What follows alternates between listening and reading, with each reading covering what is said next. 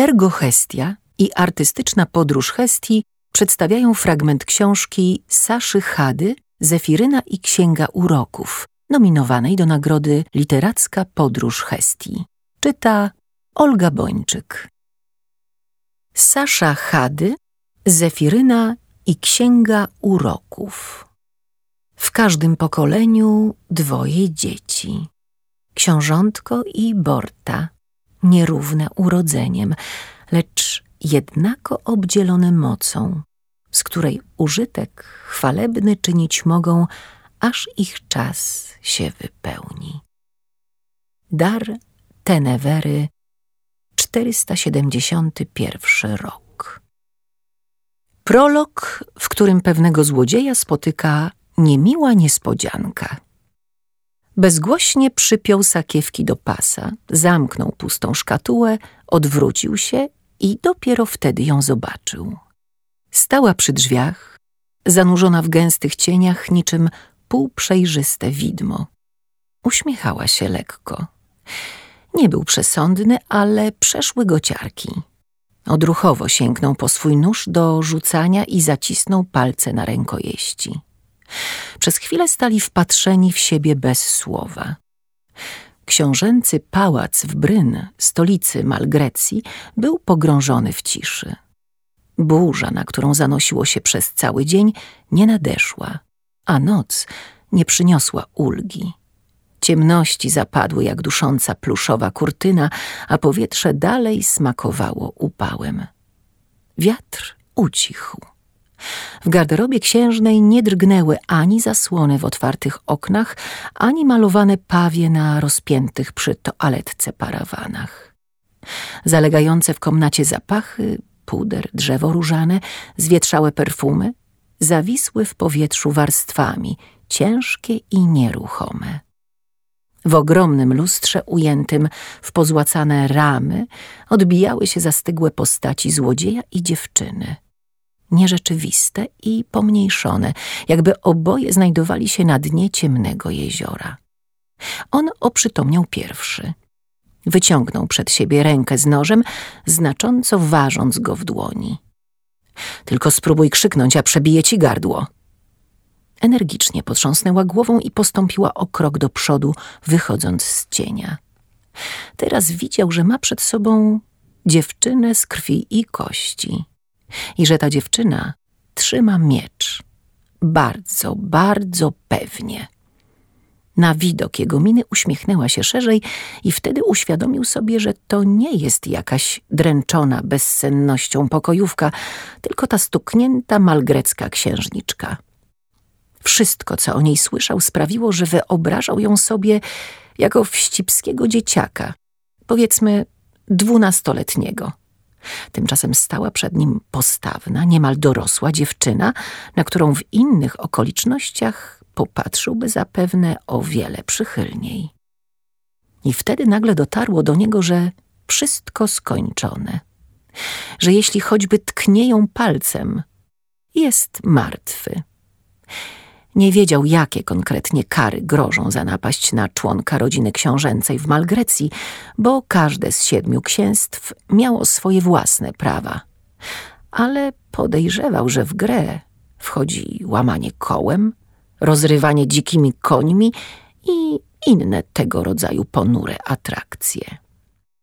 Nie czuł złości ani strachu, tylko jakby urazę. Nie zasłużył sobie na to.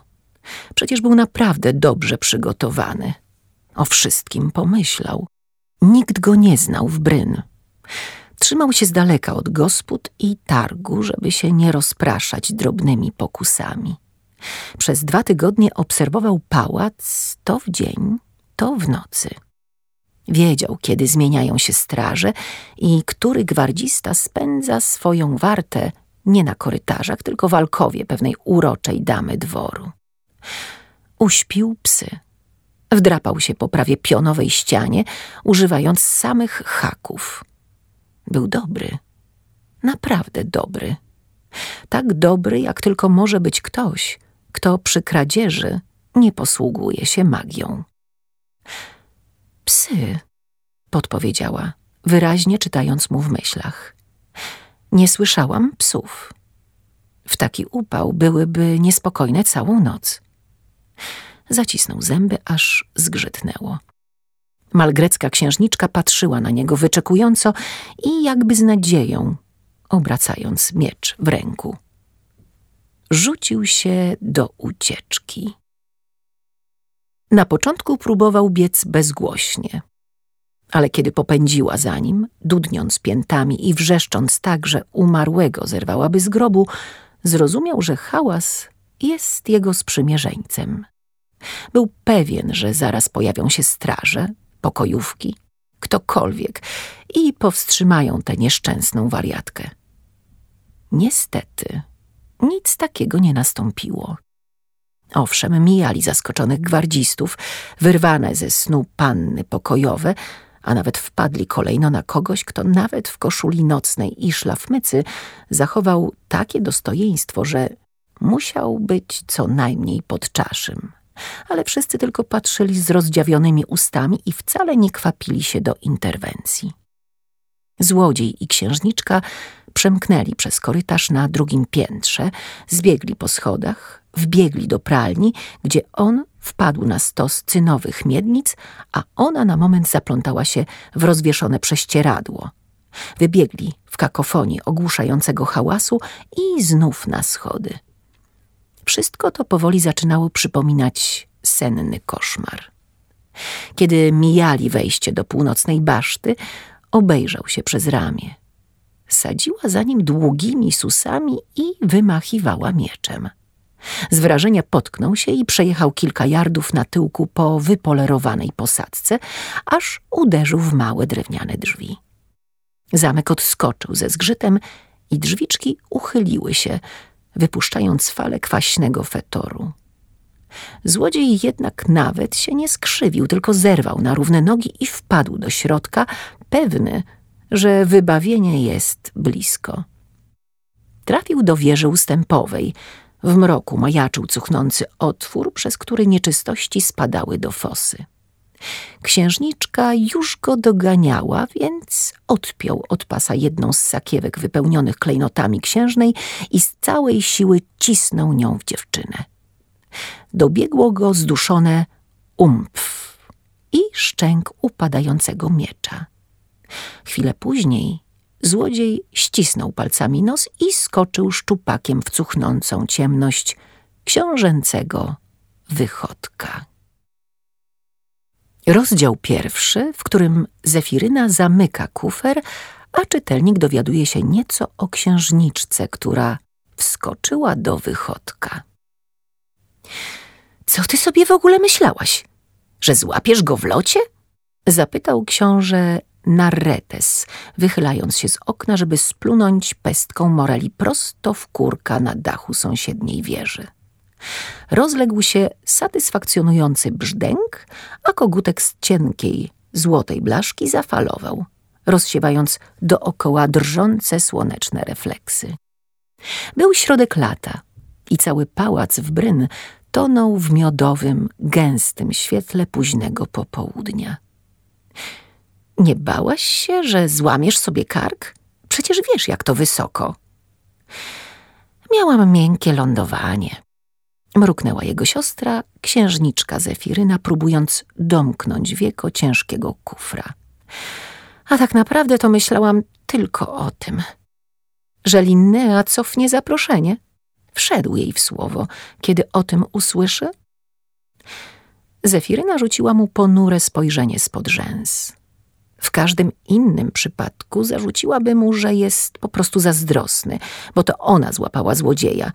Ale po tym, jak skandaliczne plotki o księżniczce, która wskoczyła do wychodka, obiegły wszystkie siedem księstw, sama musiała przyznać, że tym razem być może odrobinę przeholowała. Zresztą może tak byłoby lepiej, powiedział Narretes z przewrotnym uśmieszkiem. Nie wiem, czy to na pewno najlepszy moment na odwiedziny. Pogrzeb jej ojca był ledwo trzy miesiące temu, a teraz jeszcze zaginęła Dara Romania. Skoro dla Linnei to był dobry moment, żeby mnie zaprosić, to dla mnie jest dobry, żeby przyjechać. Mruknęła księżniczka, mocując się z kufrem. Zerknęła na brata, czy nie zamierza jej pomóc, ale Narretes przyglądał się tym zmaganiom z pogodnym zainteresowaniem i ewidentnie nie miał zamiaru opowiadać się po żadnej ze stron. Zefiryna prychnęła, po czym z rozmachem usiadła na skrzyni, a wtedy wieko wreszcie opadło i zamek zaskoczył z metalicznym trzaskiem. W każdym razie, gdyby z tym zaproszeniem nie wyszło, mogłabyś po prostu jechać ze mną do Koryncji, powiedział lekko Narretes. Zefiryna uśmiechnęła się pod nosem, wyczuwając w jego głosie tęskną nutę. Pierwszy raz w życiu mieli się rozstać na dłużej i przyjemnie było stwierdzić, że Narretes też czuje się z tym nieswojo. I co miałabym tam robić? Wymierzyła skrzyni z solidnego kopniaka. Siedzieć na trybunach? Powiewać wstążką i patrzeć, jak popisujesz się przed Hyacyntą? Muszę wygrać wszystkie walki na turnieju. Znam swoje obowiązki. Uśmiechnął się z wyższością. Zefiryna prychnęła pogardliwie i przewróciła oczami. To zwiewne i wdzięczne imię nadała jej kochająca matka. Bardzo szybko jednak okazało się, że ma się ono nijak, zarówno do wyglądu księżniczki, jak i jej charakteru. Prawdopodobnie już zaskakująco dziarskie wrzaski niemowlęcia powinny dać księżnej do myślenia i podpowiedzieć jej, że tym razem ma do czynienia z nieco innym typem córki. Ale jako, że dwie starsze nazwała Laurencja i Akwilina, Zefiryna wyszło tak trochę z rozpędu. Książę Narretes urodził się dwadzieścia minut po Zefirynie i krzyczał równie wytrwale i głośno jak ona. Ale po chłopcach tego przecież należy się spodziewać. Nie byli identycznymi bliźniętami. Na całe szczęście, jak mawiał ich ojciec, bo wtedy wcale nie dałoby się ich odróżnić. Siedemnastoletni Narretes był przystojny. To od razu rzucało się w oczy. Orzechowe loki, ścięte tuż nad karkiem i podwijające się za uszami, błyszczące lekko skośne oczy, orli nos i śmiała postawa, jakby nieustannie szykował się do skoku na głęboką wodę. Słowem, śliczny i gładki, jak dobrze ubite masło, jak mawiała z kolei pałacowa kucharka, z którą wiecznie głodne bliźnięta były w dobrej komitywie. Jeśli zaś chodzi o Zefirynę, wyglądało na to, że stworzyciel zaczął od Narretesa, a potem odbił Zefirynę od tej samej sztancy, wprowadzając tylko najbardziej niezbędne poprawki w sferze tego, co różni książęta od księżniczek. Księżna matka biadała nad ciemną karnacją córki, jej wystającymi, wiecznie podrapanymi i poobijanymi kolanami, chłopięcą sylwetką, a nawet nad uroczą przerwą między górnymi jedynkami, przez którą tak wspaniale dało się pluć na odległość. Może ona jeszcze z tego wyrośnie. Pocieszała się księżna. Owszem, Zefiryna wyrosła. Obecnie była wyższa o całe dwa cale od Narretesa i pozostawało tylko mieć nadzieję, że tak wyraźna przewaga ją zadowoli i na tym poprzestanie. O wiele więcej trosk przysparzało jednak księżnej zachowanie córki, które początkowo próbowała naprostować odpowiednią edukacją. Sprowadziła dla małej Zefiryny najlepsze guwernantki i mistrzynie etykiety, które miały się nią zajmować, podczas gdy Narretes uczył się władania mieczem i tropienia zwierzyny w lesie. Szybko jednak stało się jasne, że bliźniąt nie uda się rozdzielić nawet na czas trwania lekcji. Zawstydzone guwernantki snuły się po pałacowych korytarzach, nawołując młodą księżniczkę, podczas gdy Zefiryna bawiła się w najlepsze z Narretesem na strzelnicy albo ścigała się z nim konno po lesie. Księżna w końcu zlitowała się nad biednymi nauczycielkami i odesłała je, co dla Zefiryny było ostateczną przepustką do biegania boso, gwizdania na palcach, łażenia po drzewach i przyjaźnienia się z koniuszymi. Księżna liczyła, że kiedy Zefiryna nieco podrośnie, zacznie spędzać więcej czasu ze swoimi starszymi siostrami i pod ich zbawiennym wpływem zmieni się z opalonego i rozczochranego dzikusa w nieśmiałą, dobrze ułożoną panienkę. Albo chociaż przestanie wycierać nos w rękaw. Nic z tego. Zefiryna obchodziła je z daleka, jak cenne eksponaty, które można łatwo zabrudzić albo potłuc.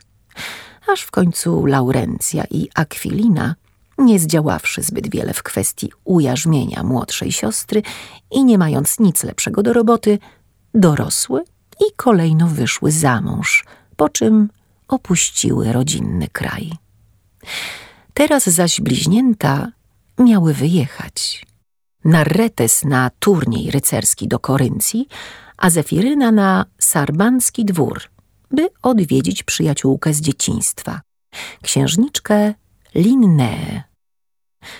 Coś ty tam napakowała? Dziwił się Narretes, próbując przesunąć ciężką skrzynię po podłodze. Same najpotrzebniejsze rzeczy. Ale chyba nic mojego. Dotknął metalowego zamka i syknął, kiedy siostra dała mu po łapach. Skąd? Burknęła, mając nadzieję, że Narretes odkryje brak swojego ulubionego noża i jeszcze kilku drobiazgów, dopiero gdy ona już wyjedzie. To chyba największy kufer w całym pałacu. Sam bym się tam zmieścił. Może to nie najgorszy pomysł. Linea byłaby zachwycona. Pamiętasz, jak jej się oświadczyłeś, kiedy mieliśmy po pięć lat? Narretes zaśmiał się z bezduszną radością kogoś, kto przez kolejne dwanaście lat złamał serca kilkunastu innym panienkom, czasem nie musząc nawet kiwnąć przy tym palcem. Teraz był zaręczony, naprawdę zaręczony, z księżniczką Hyacyntą i wkrótce miał dokonać na jej cześć wielu śmiałych czynów. Zefiryna długo się tym gryzła, bo mdła jak budyń Hiacynta nijak nie pasowała w jej opinii do Narretesa. Istniała oczywiście możliwość, że księcia o wiele bardziej pociągały bohaterskie czyny niż sama Hiacynta, a w takim razie wyszaleje się na turniejach i wróci. Nie ma się więc czym martwić, ale Zefiryna się martwiła. Odkąd ogłoszono zaręczyny Narretesa i Hiacynty, z dnia na dzień miała coraz gorszy humor. Narzekała, że coś się gniecie w żołądku, znikała gdzieś bez przerwy i prawie straciła apetyt. Aż przyszedł list od Linnei, która zapraszała ją do siebie. Był to zaiste zbawienny zbieg okoliczności. Zefiryna, gdy tylko upewniła się, że to ona wyjedzie z domu pierwsza, od razu odzyskała werwę. W lidze siedmiu księstw, położonych wokół Morza Seremackiego, panował zwyczaj wzajemnego zapraszania księżniczek na zaprzyjaźnione dwory. Młode damy robiły mnóstwo szumu, celebrując wyjazd, na które oczywiście należało uszyć stuzin nowych sukien, po czym spędzały miesiąc w sąsiednim księstwie, opychając się ciastkami z lukrem i plotkując na potęgę. Pozornie były to czysto kurtuazyjne wizyty, ale ich polityczny kontekst dawało się łatwo wyczuć. Ponieważ Zefiryna pochodziła z Malgrecji, księstwa, którego nikt w lidze nie brał całkiem serio, nie miała specjalnych nadziei, że ktokolwiek, gdziekolwiek ją zaprosi. List od Linei, pierwszy po wielu latach, był dużym zaskoczeniem. Zefiryna myślała, że sarbancka księżniczka całkiem zapomniała o niej i Narretesie, chociaż kiedyś byli sobie tacy bliscy. Sama Linnea zaś nie dawała o sobie zapomnieć. Jako słynne, magiczne dziecko pozostawała od zawsze wdzięcznym tematem plotek. W dzieciństwie Zefiryna uznawała zdolności Linnei za coś naturalnego. Oczywiście czary były cudowne, mniej więcej tak samo jak stanie na rękach i kąpanie się zimą w przeręblu. Teraz, kiedy w pełni zdawała sobie sprawę z możliwości Linnei, kręciło jej się w głowie na samą myśl, czego mogłyby razem dokonać. Zwłaszcza pozbawione nadzoru dary Romani, czarodziejki z Rady Magicznej, która od lat opiekowała się Linneą, a niedawno zniknęła w niewyjaśnionych okolicznościach. Nie zrobisz tam nic głupiego, prawda? Narretes uniósł brew na widok rozmarzonego uśmiechu, który błąkał się na ustach Zefiryny. Ja? W życiu. Hmm, zobaczymy. Pozdrów ode mnie Linnea i nie zapomnij tego. Podszedł do zabałaganionej toaletki siostry i ujął w palce srebrną szpilkę do włosów z rubinem. Nie zapomnę. Burknęła Zefiryna, wyrwała mu ją z ręki i spięła spiętrzone nad czołem loki. Dzięki przygodzie z wychodkiem zyskała, poza wątpliwą sławą, nową fryzurę, gdyż trzeba było ściąć jej włosy oraz tę właśnie zapinkę, którą księżna matka wybrała dla niej z odzyskanego łupu. Zefiryna nigdy dotąd nie nosiła biżuterii, ale dla szpilki z rubinem zrobiła wyjątek i zakładała ją z dumą, niczym trofeum wojenne. Następnego dnia po schwytaniu złodzieja, który połasił się na klejnoty księżnej, zeszła do pałacowych lochów, żeby z nim porozmawiać. Miała niejasne wrażenie, że połączyło ich coś szczególnego, jakiś rodzaj duchowej więzi. W końcu był jej pierwszym złodziejem. Wyobrażała sobie, że będą prowadzić długo w noc fascynujące rozmowy i szermierki słowne. I kto wie, Niestety złodziej okazał się nabzdyczonym mężczyzną o żenująco wąskich horyzontach, który za nic miał uciechy salonowej konwersacji. Nie chciał opowiadać jej o swoim dzieciństwie, podróżach i dokonaniach, a kiedy zapytała, czy może coś dla niego zrobić, po namyśle poprosił o omastę do kaszy i grubszy koc. Zefiryna poczuła się dotknięta, wyczuwając jego niechęć. Zupełnie jakby to nie on sam wkradł się do pałacu, tylko ona ściągnęła go tam podstępem, prosto w zastawioną pułapkę. Po tym rozczarowaniu uznała, że już nic jej nie trzyma w Malgrecji i jest całkowicie gotowa do wyjazdu.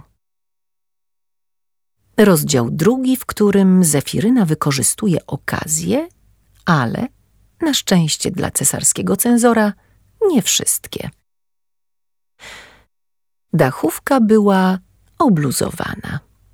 Zefiryna zakleła cicho i spróbowała szybko przenieść cały ciężar ciała na prawą rękę, którą mocno trzymała się drewnianej ramy okna, ale na próżno. Dachówka wysunęła się jak obruszony ząb, przejechała z klekotem po stromiźnie dachu i roztrzaskała się na wilgotnym bruku. Księżniczka zawisła na jednej ręce i zacisnęła z całej siły powieki. Tylko spokojnie, tylko spokojnie. Kiedy po dwudziestu uderzeniach serca nikt w gospodarstwie nie podniósł rabanu, Zefiryna otworzyła oczy i odetchnęła z ulgą.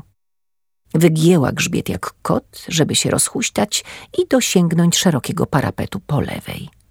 Potem, wyczuwając nierówności palcami bosych stóp, z małpią zręcznością obeszła północną ścianę budynku i wspięła się na drewniany balkon opleciony dzikim winem.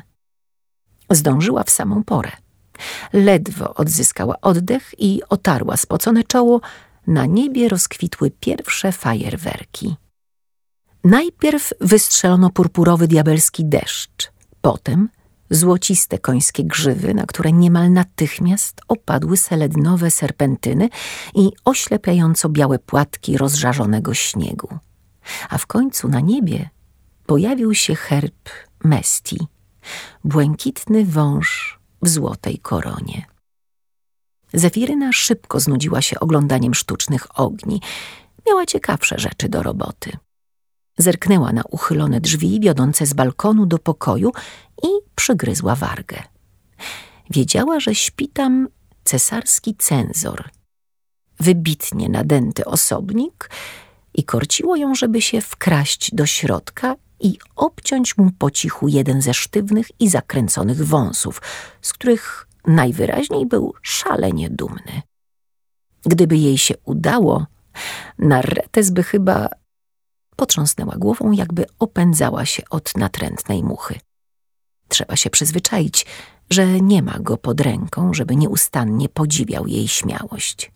A ponieważ księżniczka Linnea prawdopodobnie nie byłaby zachwycona, gdyby Zefiryna przywiozła jej w podarku kupę kłaków pachnących pomadą i międzynarodowym skandalem, chyba lepiej dać spokój. Niestety Zefiryna opornie przyjmowała rozsądne rady, nawet swoje własne.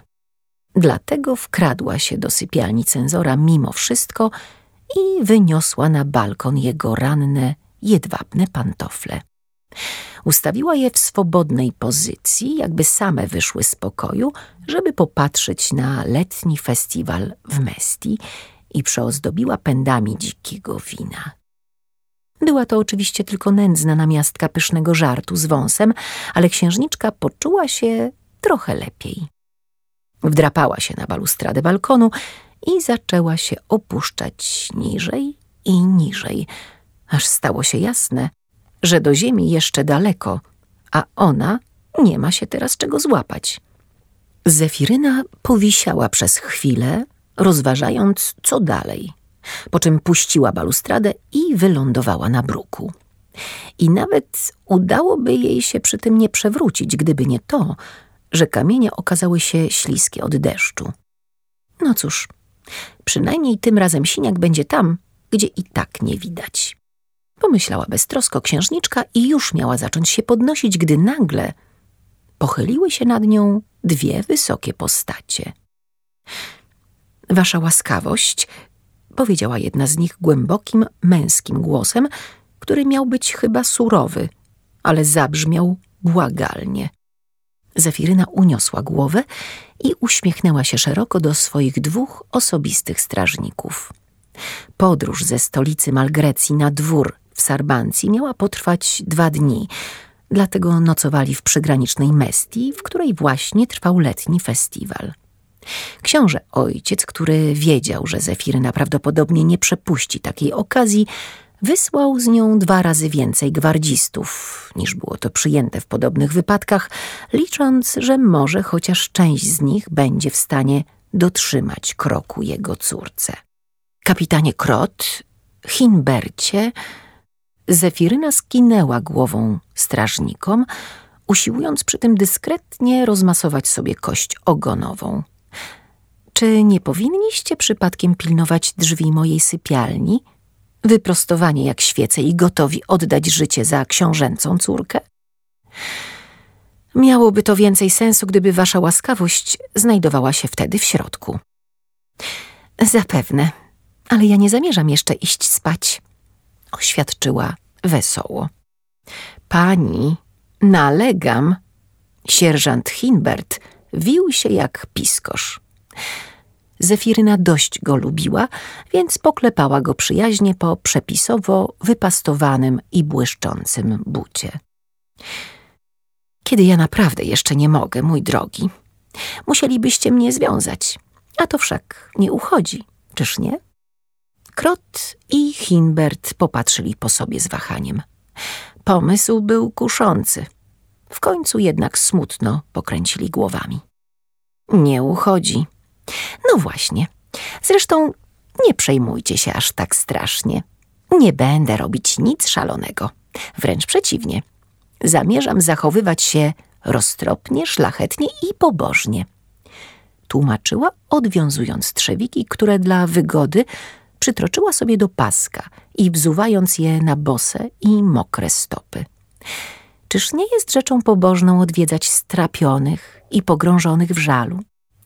Oto księżniczka Linnea zaprasza mnie, abym niosła jej duchową pociechę jako łagodna i słodka towarzyszka. Już widzę, jak wyszywamy razem na tamborkach, a ja śpiewam przy tym hymn wszystkie twoje dobre dary.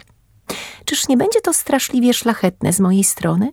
I czyż nie jest rzeczą roztropną najpierw się trochę rozerwać, żebym potem w sarbancji nie skisła z nudów? Krot i Hinbert patrzyli na nią w milczeniu, pełni najgorszych przeczuć.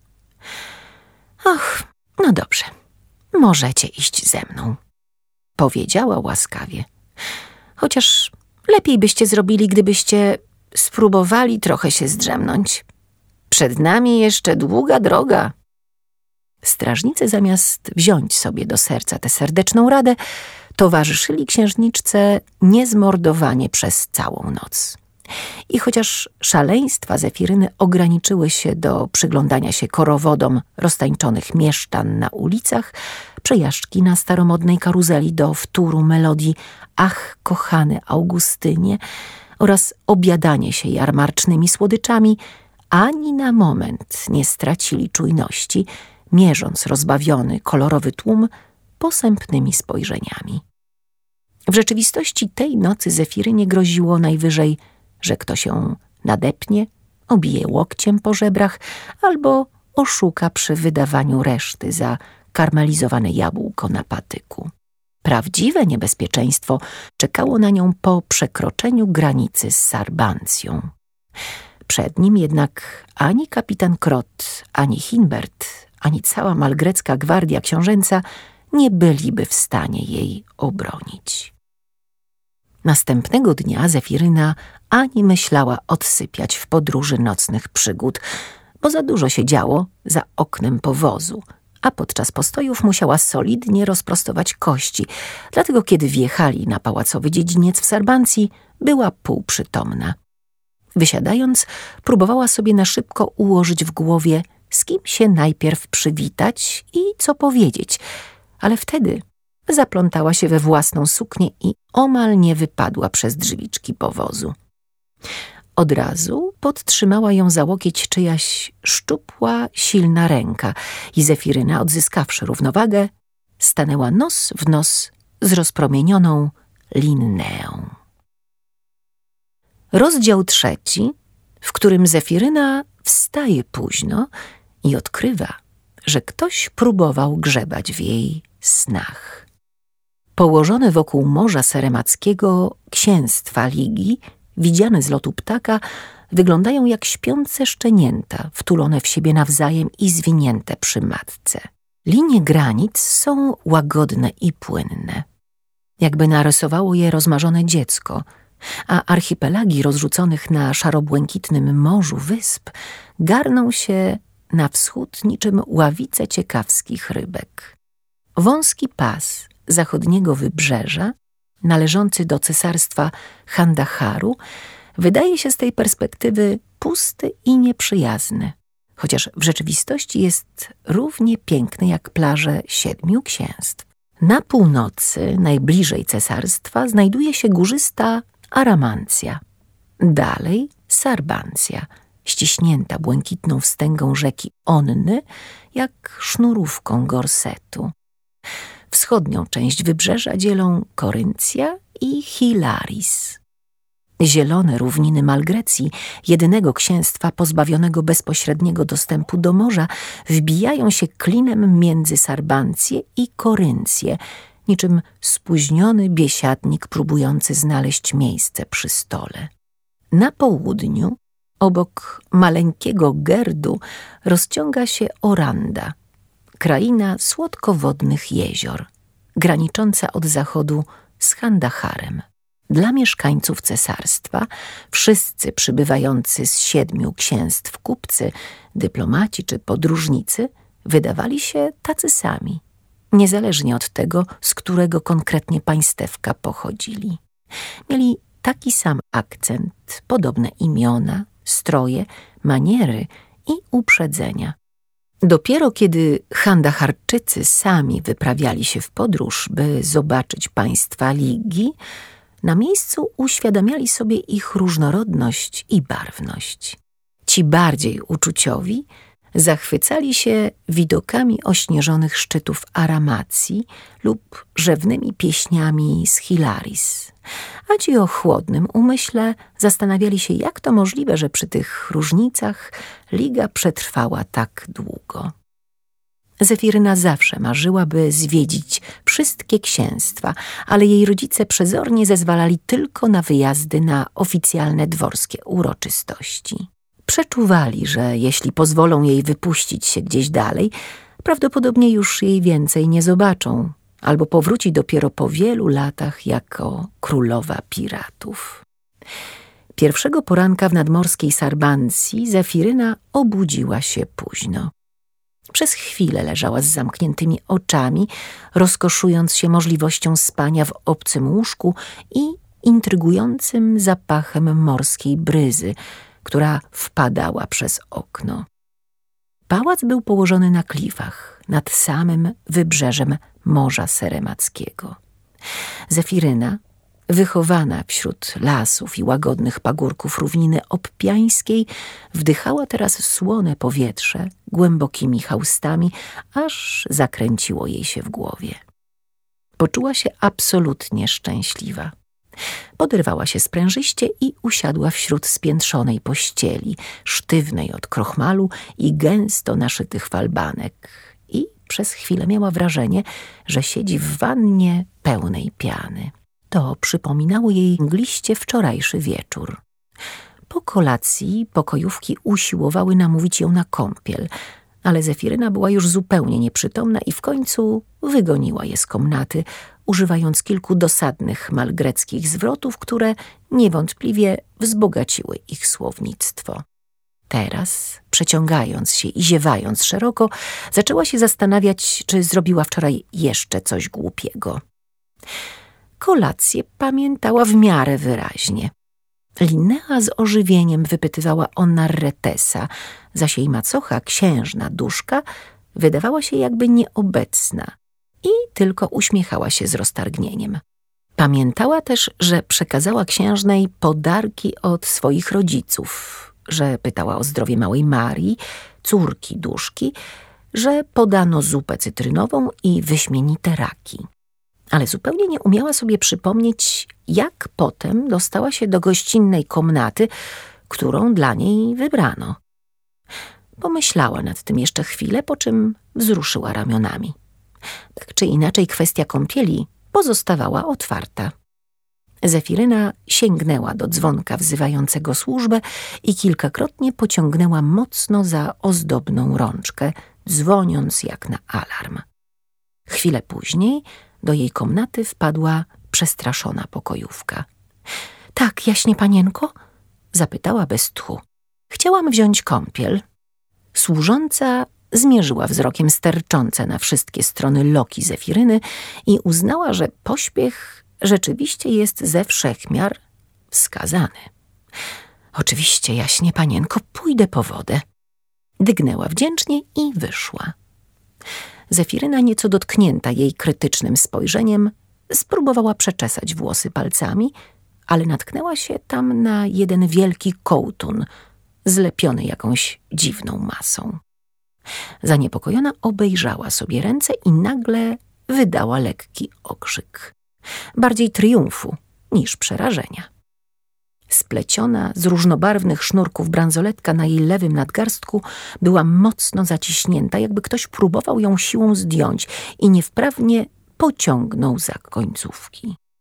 Ha, czyli mają tu Aislinga. Zefiryna pogratulowała sobie, że chociaż poprzedniego wieczoru szła do łóżka półprzytomna ze zmęczenia, nie zapomniała jednak o węźle Orugga i dzięki temu Aisling nie zdołał wedrzeć się do jej snów. Prawdopodobnie mógł jednak bezkarnie pobuszować w jej rzeczach. Księżniczka wyskoczyła raźno z łóżka i podbiegła do kufra, sprawdzić, czy nic nie zginęło. Mistrzów snu, nazywanych też Aislingami, można spotkać właściwie wszędzie – zarówno w siedmiu księstwach, Dinas Kobe, jak i na Wyspach Deszczowych czy w cesarskim mieście. Prawdą jest jednak, że szczególnie upodobali sobie Bryn, stolicę Malgrecji. Podobno dla jego wyjątkowo dobrego powietrza, zapewniającego mocny sen. Niesłychanie trudno wytropić, złapać czy zdemaskować Aislinga, ale o ich obecności w Bryn Dobitnie świadczy to, że wszyscy mieszkańcy przed snem oplatają sobie dłonie skomplikowaną siecią sznurków tworzących węzeł orugga, podczas gdy w innych krainach ta praktyka uważana jest za śmieszny zabobon. Dawna, naturalna magia od zawsze przenikała siedem księstw, co czyniło Ligę bardzo pożądanym sojusznikiem dla cesarstwa Handaharu.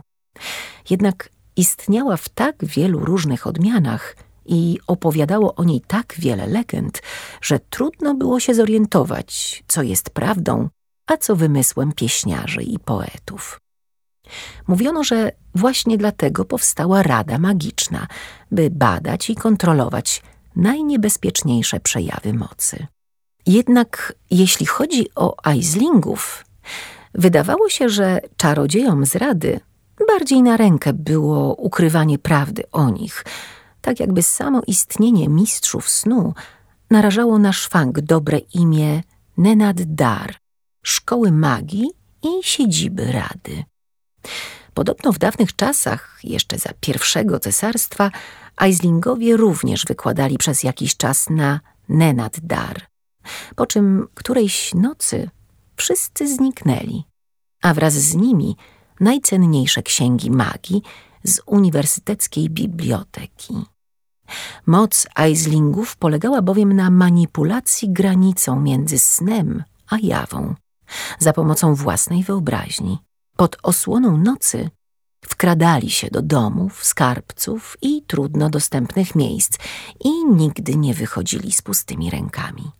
Co prawda słynny apologeta Auman z Haringber w swoich pismach wykazywał, w jak wielu dziedzinach mistrzowie snu mogą przyjść zwykłym ludziom z pomocą, od ratowania sierotek uwięzionych na najwyższych piętrach płonących budynków, po zwiat wojskowy na terytorium wroga, jednak rzeczywistość obaliła jego szlachetne tezy miażdżącym argumentem. Wszyscy najsłynniejsi złodzieje byli Aislingami. Należy jednak oddać im sprawiedliwość. Jeśli podczas pożaru rabowaliby jakiś dom i akurat było tam dziecko, prawdopodobnie i je również zabraliby ze sobą. Kiedy pokojówka wróciła, Zefiryna siedziała oparta o kufer, pogrążona w posępnych rozmyślaniach. Nie udało jej się stwierdzić, czy coś zniknęło ponieważ najzwyczajniej w świecie nie pamiętała, co spakowała na wyjazd. Służąca weszła do komnaty tyłem, ciągnąc za sobą niską platformę na kółkach, na której stały dwa duże cebrzyki. Z jednego unosiła się para. W tym po lewej jest zimna, a w tym po prawej gorąca woda, jaśnie panienko. Wyjaśniła niepotrzebnie. Najwyraźniej na wypadek, gdyby Zefiryna była nie tylko rozczochrana, ale i przygłupia. A tutaj przyniosłam... Och! Pokojówka wreszcie spojrzała na księżniczkę, a widząc ją w całej okazałości, wytrzeszczyła oczy. O co znów chodzi? Zainteresowała się Zefiryna. Panienki zwykle noszą... Znaczy, inne panienki, jaśnie panienka, noszą koszule nocne. Pokojówka odsunęła się nieco, jakby się bała, że nowy gość będzie mieć dla niej również jakieś inne niespodzianki. Hm? A tak, rzeczywiście. Nie przejmuj się, pod spodem wszystko się zgadza. To piżama mojego brata. Wyjaśniła księżniczka, dotykając flanelowych spodni w biało-niebieskie paski. Bardzo wygodna, polecam. To ja może napełnię wannę, wybąkała pokojówka. Pewnie już dawno po śniadaniu, prawda? Zapytała Zefiryna, kiedy uzgodniły właściwą temperaturę wody i mogła zanurzyć się w różanej, pachnącej pianie. Tak, jaśnie panienko, dla księżnej pani nakrywamy bardzo wcześnie. Pokojówka, która, jak dowiedziała się Zefiryna, miała na imię Hanna, Stała po drugiej stronie wzorzystego parawanu i usiłowała doprowadzić do porządku suknię księżniczki. Którąkolwiek. Jak można zapakować stroje w ten sposób?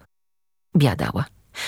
Trzeba będzie to wszystko od nowa wyprasować na mokro i porządnie rozwiesić, a bieliznę odświeżyć, posortować, ułożyć w szufladach razem z woreczkami suszonej lawendy i Przepraszam, jaśnie panienko, nie dosłyszałam. Mówię. Głos Zefiryny dobiegł z zaparawanu lekko stłumiony, bo właśnie myła głowę. Że mogę przekąsić coś w kuchni, nie ma sprawy. Ależ ja przyniosłam tacę ze śniadaniem, jaśnie panienko, zawołała z wyrzutem Hanna. Wszystko ciepłe i świeże. O, to doskonale, mruknęła Zefiryna bez entuzjazmu.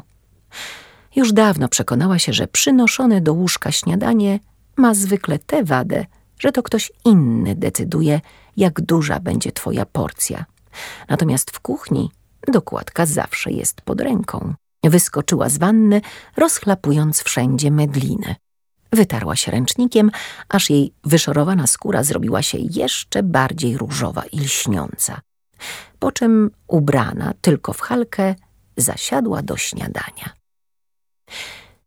Księżniczka Linnea oczekuje jaśnie panienki w pałacowych ogrodach. Mówiła Hanna, strzepując ostatnie pyłki z ciemnozielonej sukni stafty, która okazała się najmniej wymięta. Najpewniej znajdzie ją panienka w słowiczej altance. Aha, dziękuję. Zefiryna wsadziła sobie do ust ostatni kawałek naleśnika z miodem i z pełnymi ustami zaczęła się ubierać. Pokojówka próbowała jej dyskretnie asystować, ale księżniczka okazała się zaskakująco zręczna przy manewrowaniu wszelkimi zapięciami, szlufkami i haftkami. Na koniec jednak Hanna dostrzegła swoją szansę. Chwileczkę, jaśnie panienko, powiedziała z satysfakcją. Jaśnie panienka krzywo zapięła cały ten rząd guzików. O, proszę, tu widać. Został jeden na samym końcu. Proszę pozwolić, że... Tak? A, rzeczywiście. Zefiryna oderwała guzik i schowała go do kieszonki, po czym strzepnęła fałdy sukni. No, teraz jest ślicznie. Dziękuję, Hano. Wybacz, że tak nachlapałam na podłodze. Pomogłabym ci z tym, ale muszę natychmiast lecieć zobaczyć się z Linneą. Księżniczka przeczesała palcami włosy, wpięła w nie szpilkę z rubinem i wybiegła z komnaty. Rozdział czwarty, w którym Zefiryna poznaje kapitana Szarfa.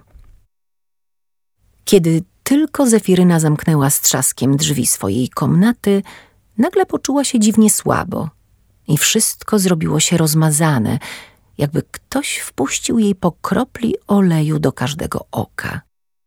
Zacisnęła mocno powieki i potrząsnęła głową, bo przecież nie zamierzała tu mdleć. To pewnie z głodu. Za mało zjadłam. Pomyślała i zamiast do pałacowych ogrodów zeszła do kuchni. Spędziła tam miłą godzinkę, zupełnie zapominając o czekającej na nią Linnei. Spałaszowała kilka naleśników prosto z patelni i pomogła kucharkom przebierać wiśnie na sok. Po czym w doskonałym humorze, bo lubiła zawierać nowe znajomości, zwłaszcza z kucharkami, wbiegła na schody prowadzące na wschodnią galerię. Kompleks pałacowy w Sarbancji obejmujący trzykondygnacyjny gmach główny z wewnętrznym czworobocznym dziedzińcem, rozległe ogrody, świątynię Stworzyciela, małą menażerię, ujeżdżalnię i park do przejażdżek konnych, robił o wiele większe wrażenie niż pałac, w którym wychowała się Zefiryna. Siedziba malgreckiego księcia była przede wszystkim twierdzą. Trzymała się nisko przy ziemi, rozpłaszczona jak nieufny żółw, a wieże obronne przy bramach powstały nie po to, by nęcić swym pięknem miłośników architektury późnego srebrnowiecza, tylko żeby odstraszać wszystkich jak leci. Tymczasem pałac w Sarbancji wyglądał jak piętrowy tort. Zefiryna zawsze wyobrażała sobie, że odpowiedzialny za jego odbudowę po wielkim pożarze dwieście lat temu Sulmoniusz, odnowiciel, czytał do poduszki leksykon terminów architektonicznych i w końcu, niezdecydowany, postanowił mieć wszystkiego po trochu. Tu dorzucimy pilastry, trochę fryzów, lodżie, wykusze, archiwolty, kwiatony, palmety, taras, albo może dwa, gloriety, ażurowe balkony, rybie ogony, no i oczywiście arkady kolumnowe na krużgankach. Efekt był niewątpliwie spektakularny, a potomkowie Sulmoniusza lojalnie nazywali pałac pięknym przykładem wybujałego sarbanckiego eklektyzmu. Zefiryna orientowała się nieźle w plątaninie przejść, półpięter, korytarzy łączących poszczególne części pałacu, bo w dzieciństwie bawili się tu z Narretesem i Linneą wchowanego. Ale i tak zajęło jej chwilę przypomnienie sobie drogi na taras. Kiedy wyszła na pełne słońce, przystanęła oślepiona – ale osłoniła oczy dłonią i od razu ruszyła przed siebie, bo przypomniało jej się, że przecież się spieszy. I niemal natychmiast potknęła się, natrafiwszy na jakąś przeszkodę. Klęczał przed nią ciemnowłosy młody mężczyzna w stroju gwardzisty, składając pokłon tak niski, że prawie szorował nosem o mozaikową posadzkę tarasu. Zefiryna odsunęła się nieco a wtedy nieznajomy podniósł głowę i z szacunkiem sięgnął po jej dłoń, aby złożyć na niej dworski pocałunek. Księżniczka odruchowo wyszarpnęła mu rękę. Nie dlatego, że speszyło ją spojrzenie jego ciemnych oczu. Zawstydziła się nagle czarnych obwódek z wiśniowego soku za paznokciami. Chociaż trzeba przyznać, że oczy ma naprawdę piękne barwy gorących, pieczonych kasztanów, pomyślała Zefiryna. Jaśnie panienko, jak już wspominałem, chciałbym prosić o chwilę rozmowy. To my się znamy?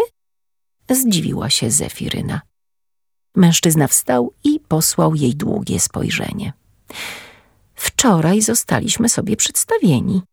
Miałem zaszczyt i przyjemność zanieść jaśnie panienkę do jej sypialni. Powiedział tonem sugerującym, że byłoby mu o wiele przyjemniej, gdyby Zefiryna nie miała tak przeraźliwie długich rąk i nóg i ważyła kilka funtów mniej. Księżniczka spostrzegła teraz, że jego przesadnie wręcz zgodne z protokołem zachowanie tak naprawdę nie wyraża uniżoności tylko pełną dystansu niechęć, a nawet wyższość. To ją zaintrygowało. Proszę wybaczyć, jakoś sobie nie przypominam. To było zaraz po tym, kiedy upadła jaśnie panienka twarzą w tort. Przypomniał jej uprzejmie. A jaki to był tort? Marcepanowy, jak mi się wydaje. A, to rzeczywiście szkoda.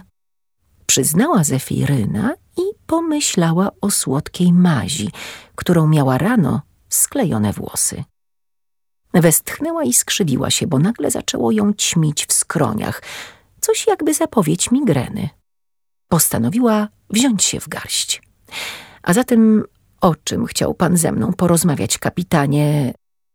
E... Zacięła się, zezując na ozdobną opaskę dowódcy pałacowej gwardii, z której nijak nie mogła wyczytać nic więcej. Szarf. Przejdźmy się może.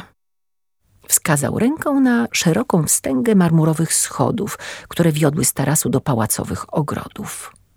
Zefiryna chętnie na to przystała, bo dotąd musiała patrzeć na niego pod słońce, a chciała mu się lepiej przyjrzeć. Kapitan Szarf wyglądał na mniej więcej dwadzieścia lat. Był wysoki i poważny. Miał myślące czoło i wrażliwe usta, a jego szlachetny profil zdradzał mocny charakter, nieugiętą prawość i żelazną dyscyplinę. Wszystko to sprawiało, że Zefiryna miała ogromną ochotę znienacka uszczypnąć go w tyłek, żeby zobaczyć, jak zareaguje. Splotła mocno ręce za plecami i spojrzała mu w twarz, uśmiechając się zachęcająco. Kapitan Szarf odchrząknął i zaczął mówić ze zmarszczonymi brwiami. Kiedy rok temu obejmowałem stanowisko, byłem najmłodszym dowódcą książęcej gwardii w historii. Od tego czasu zginął jego wysokość, nie pozostawiając męskiego potomka, a Dara Romania przepadła bez śladu. Kapitan Szarf umilkł. Przez chwilę patrzył z ponurą miną na bujny, kipiący życiem krzew karminowych róż, jakby miał mu za złe, że w obliczu tych katastrof nie umie się zachować bardziej powściągliwie. Złożyłem uroczystą przysięgę przed Stworzycielem i samym sobą, że na tym ta seria nieszczęść się zakończy, że więcej nie zawiodę i nie dopuszczę, by... Chwila! Przerwała mu bezceremonialnie Zefiryna i przystanęła na ogrodowej ścieżce. Jak niby miałeś zapobiec śmierci księcia Mezuta? Przecież spadł z konia podczas polowania i skręcił kark, a Dary Romani nie umiała odnaleźć nawet Linnea. Więc co ty niby mógłbyś więcej zdziałać w tej sprawie? Kapitan Szarf rzucił księżniczce mroczne spojrzenie i, jak jej się wydawało, zmienił temat. Dowiadywałem się o jaśnie panienkę. Udało mi się porozmawiać przez chwilę z kapitanem Krotem, zanim wyjechał. To miło. Ucieszyła się Zefiryna. Sądziła, że kto jak kto, ale Krot na pewno powiedział o niej dobre słowo. Doszły mnie oczywiście plotki o ostatnim wyczynie jaśnie panienki. Mówił dalej szarf i ze skrytym zadowoleniem zauważył, że Zefiryna zarumieniła się i przygryzła warkę. I bardzo mnie to wszystko zaciekawiło. Szczególnie to, że jaśnie panienka narobiła ponoć strasznego huku i wrzasku, przyłapawszy złodzieja, gdy kradł klejnoty księżnej. Wszyscy, jak mi mówiono, od razu się pobudzili. A jednak to jaśnie panienka goniła i w końcu schwytała rabusia. Gdzie byli wtedy strażnicy? Pomyślałem. Dlaczego to nie oni ścigali złodzieja i skakali z Danskeru do fosy na, za przeproszeniem, kupę łajna, tylko panienka książęcej krwi, którą mieli chronić? Zapytałem o to kapitana Krota i cóż mi odpowiedział? Szarf zawiesił teatralnie głos. Zefiryna tylko się uśmiechnęła, więc spuentował sam. Otóż odpowiedział mi, nie chcieliśmy jej psuć zabawy. Nie chcieliśmy jej psuć zabawy, powtórzył kapitan powoli i dobitnie, posyłając jej karcące spojrzenie. Zefiryna wzruszyła ramionami. Coraz trudniej było jej się skupić na tym, co mówił szarf, bo znowu wszystko zaczynało jej się rozmazywać i wirować przed oczami. Udała, że się potknęła o kamyk i chwyciła mocno kapitana pod rękę. On jednak delikatnie wyzwolił ramię, zatrzymał się i z bliska spojrzał jej prosto w oczy. Chciałbym, żebyśmy mieli jasność w jednej kwestii, jaśnie panienko. Nie życzę tu sobie żadnych kłopotów. Żadnych nocnych gonitw po korytarzach, żadnego skakania przez okna, biegania po dachach i tak dalej. Rozumie jaśnie panienka? Zapytał z naciskiem, bo Zefiryna wpatrywała się w niego błędnym, lekko nieprzytomnym wzrokiem. Tak, tak, oczywiście. No to dobrze. Mruknął z powątpiewaniem. W takim razie życzę miłego dnia. Stał i patrzył, jak Zefiryna oddala się niepewnym krokiem. Kiedy zniknęła za kwietnym klombem, powoli pokręcił głową i ruszył w stronę pałacu. Dziwne. Ta cała księżniczka, która wskoczyła do wychodka, wcale nie wydawała mu się aż tak bystra, jak wszyscy mówili. Zefiryna zatoczyła się i znów na kogoś wpadła. Bardzo panią przepraszam. Bąknęła, odskakując, by odzyskać równowagę. Zawstydzona uniosła głowę i napotkała łagodne, wyrozumiałe spojrzenie księżniczki Flawioli, pogromczyni szarańczy. Och, to tylko ty, wymamrotała, a potem parsknęła śmiechem. W tej chwili obawy kapitana Szarfa wydawały jej się całkowicie niedorzeczne. Jak ktoś, kto potyka się o własne stopy i rozmawia z posągami, mógłby skakać po dachach lub poważnie zagrozić bezpieczeństwu księstwa? osunęła się na wypielęgnowany trawnik u kamiennych stóp flawioli i pomasowała sobie palcami schronie. Przynajmniej tyle dobrze, że się nie zgubiła. Pamiętała, że posągi dawnych sarbanskich księżniczek i książąt stały na drodze do słowiczej altany. Wszystkie magiczne książęce dzieci z Sarbancji zostały uwiecznione w dniu swoich osiemnastych urodzin, kiedy ich los się dopełniał i traciły swoje moce. Księżniczki przedstawiono w nienaturalnych, wystylizowanych pozach, jakby zamiast kręgosłupa miały wiotką gałązkę. Włosy i kiecki fruwały im na wszystkie strony, rozwiane zapewne magicznym wichrem. Wszystkie miały talie, osy i idiotyczne, przesłodzone uśmiechy. Książęta też byli nie lepsi. Wielkoocy, długowłosi i niezdrowo chudzi. Jakby w każdej chwili mogli się przełamać w pół pod ciężarem własnych cnót. Zefiryna już w dzieciństwie uważała te posągi za okropne, ale Linnea była z nich strasznie dumna, tym bardziej, że i jej podobizna miała kiedyś stanąć na końcu tego szpaleru. Zefiryna, powodowana nieco złośliwą ciekawością, podniosła się i mijając kolejno Flawiole, Gregorię odganiającą chmury, Delianę, uzdrowicielkę, Harada od pożarów, Tylwiusza, postrach piratów, Celsję, Annę Alwę, Taissę Sylwana, doszła do miejsca, gdzie już niedługo miał się znaleźć pomnik Linnei. Spodziewała się, że poczyniono jakieś przygotowania, że zobaczy przystrzyżoną do ziemi trawę albo marmurowy cokół, ale nie. No tak, to pewnie byłoby w złym guście. Zefiryna wiele by dała, by otrzymać magiczną moc, jaką posiadała Linnea.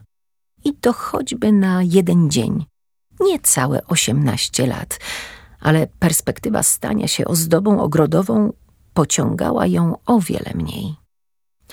Ciekawe, czy Bortom w mieście też stawiają posągi? Zastanowiła się przelotnie Zefiryna, a później znów wróciła myślami do Linnei. Jak ją nazwą?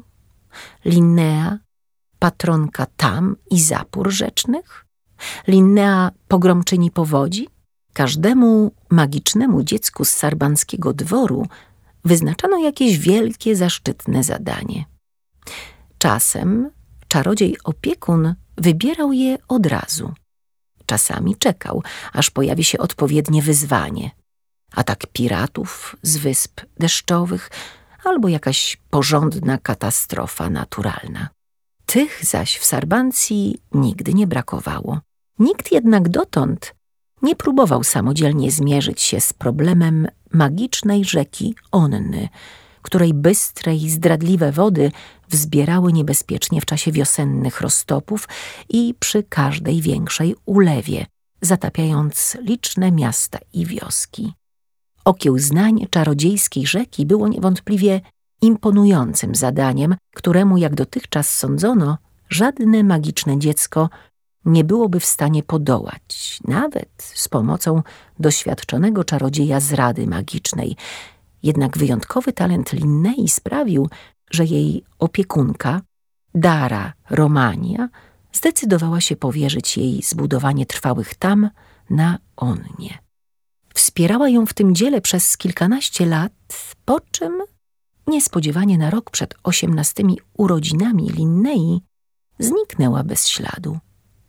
Znając osobliwe zwyczaje czarodziejów, mógł to być zarówno rodzaj testu, jak i objaw roztargnienia czy celowej, złej woli. Albo mogło przydarzyć się jej jakieś nieszczęście. Zefiryna potrząsnęła głową, jakby chciała odpędzić od siebie niewesołe myśli. Była pewna, że z pomocą dary Romanii czy bez, Linnea jest jedyną osobą, która potrafi na dobre ujarzmić Onnę. A Linnea nie miała w zwyczaju się poddawać. Zasiadająca przy oplecionej pnącymi różami i bugenwillą ażurowej pergoli, księżniczka Linnea sama wyglądała jak wesoły kwiatek. Jasna, kwiecista suknia obejmowała jej drobną postać jak kielich powojnika, a wpięte w rozpuszczone, rdzawo-złociste włosy drobne kwiatki hortensji nęciły motyle i pszczoły. Zefiryna zatrzymała się kilka kroków od niej, żeby nacieszyć się jej widokiem i nagle poczuła, że ból głowy i dziwne otępienie mijają. W tym momencie Linnea spostrzegła, że nie jest sama i zwróciła się ku Zefirynie, odkładając czytaną książkę na ławkę obok siebie. Musiała to być księga magiczna, bo od razu sama wsunęła sobie cienką różową wstążeczkę między kartki, zaznaczając miejsce, gdzie księżniczka skończyła czytać. O, już wstałaś! zawołała Linnea, unosząc się, żeby pocałować ją lekko w oba policzki. Pachniała wygrzanymi w słońcu ziołami. Siadaj, siadaj. Wyspałaś się porządnie po podróży? Tak, dziękuję. Wymamrotała Zefiryna, zajmując miejsce na ławce obok Linnei. Wczoraj rozmawiało im się tak swobodnie, a teraz zupełnie nie miała pojęcia, co powiedzieć. Jak ci się układa po śmierci ojca z twoją młodą i piękną macochą? Nie jest ci przykro, że za rok stracisz magiczne moce? Czy Borta się już ujawnił i czy jest potężniejszy niż ty? Nie, nie, nie. Pewnie ciężko było ci się rozstać z Narretesem.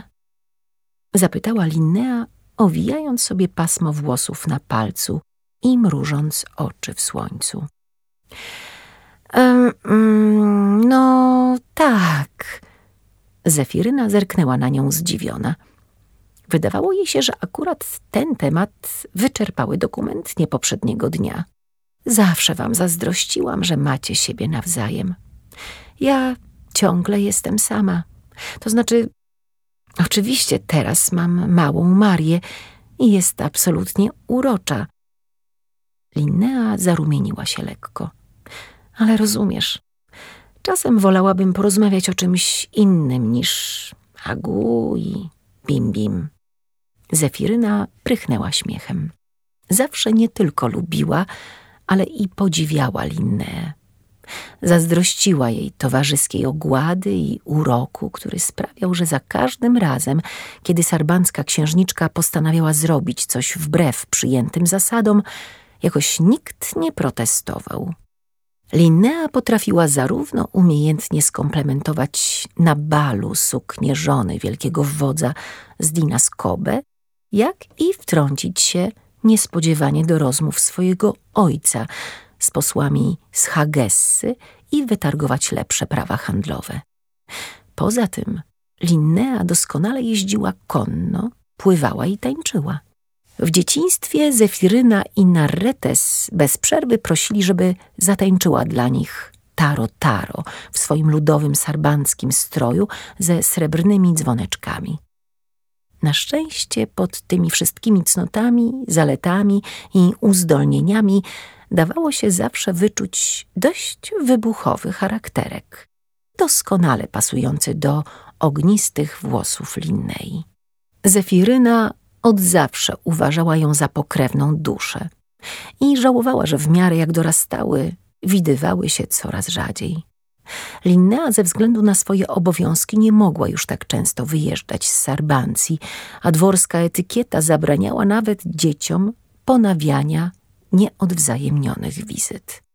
Przez jakiś czas Zefiryna i Narretes wysyłali do niej listy, w których między wielkimi kleksami atramentu donosili o tak ważkich sprawach jak odkrycie nowego źródełka z żabami lub przechwalali się złamanymi rękami i nosami. Listy od Linnei były zawsze starannie wykaligrafowane i pachniały wodą fiołkową. Zefiryna i Narretes uwielbiali je czytać, chociaż traktowały głównie o tamach. Później również listy przestały przychodzić. Żałuję, że tym razem nie mogłam zaprosić was obojga. Szczerze mówiąc, planowałam nawet coś takiego, zanim jeszcze ogłoszono zaręczyny Narretesa. Linnea uśmiechnęła się szelmowsko. Wyobrażasz to sobie? Zefiryna westchnęła w zachwycie na myśl o takim pogwałceniu etykiety. Moja matka dostałaby szału. Nie miałaby pojęcia, jak odmówić, żebyś nie poczuła się urażona. Bo oczywiście czym innym było zaproszenie na dziecięcy bal z okazji piątych urodzin Linnei, a czym innym wizyta najbardziej kochliwego księcia w siedmiu księstwach u siedemnastoletniej panny na wydaniu. Teraz żałuję, że tego nie zrobiłam, ale ciągle byłam zajęta i... Wiem, wtrąciła pospiesznie Zefiryna. Ostatnio pewnie w ogóle nie wychodziłaś z pracowni. Nie mam pojęcia, jak sobie radzisz bez Dary Romani. Linnea wzruszyła ramionami i z uśmiechem przewróciła oczami, jakby panowanie nad magiczną rzeką nie było niczym specjalnym. W każdym razie te zaręczyny z Hiacyntą wypadły bardzo nie w porę, powiedziała żartobliwie. Gdzie oni się w ogóle poznali? Hmm, nie jestem pewna. Skłamała Zefiryna, ponieważ prawda była taka, że poznali się na pogrzebie ojca Linnei. Ciągle pamiętała, jak zrozpaczona była wtedy Linnea. Stała przy wejściu do katakumb, blada, ze ściągniętą twarzą, zmieniona niemal nie do poznania. Wydawało się, że nawet nie usłyszała wydukanych przez Zefirynę kondolencji, a chłodną, bezwładną rękę podała jej mechanicznym gestem. Teraz pośród powodzi kwiatów i ogrodowej, rozmigotanej od słońca zieleni wyglądała już dużo lepiej. Zefiryna pochyliła się, żeby delikatnie zdjąć z jej włosów biedronkę i zamarła, kiedy zamiast niebieskich oczu księżniczki Linnei spojrzały na nią oszalały ze strachu ślepia zaszczutego na polowaniu lisa, płaczącego krwawymi łzami. W nos uderzył ją ostry zapach zwierzęcego potu. Odsunęła się gwałtownie, przyciskając dłoń do ust. Co się stało? zapytała Linnea zaniepokojona. Słabo ci od upału? Nie, nie, wszystko dobrze. Wyszeptała Zefiryna i zacisnęła palce na krawędzi ławki. Ból głowy wrócił, o wiele silniejszy niż wcześniej a szum, który, jak sobie teraz uświadomiła, szemrał jej w uszach od jakiegoś czasu, zaczął się układać w coraz wyraźniejszą melodię. Zbladłaś? Linnea wciąż przyglądała jej się z troską. Jej oczy były znów takie jak zwykle, błękitne jak niezapominajki. Lepiej zejdźmy ze słońca. Już prawie pora na obiad i może Maria się obudziła – Zobaczysz, jak urosła.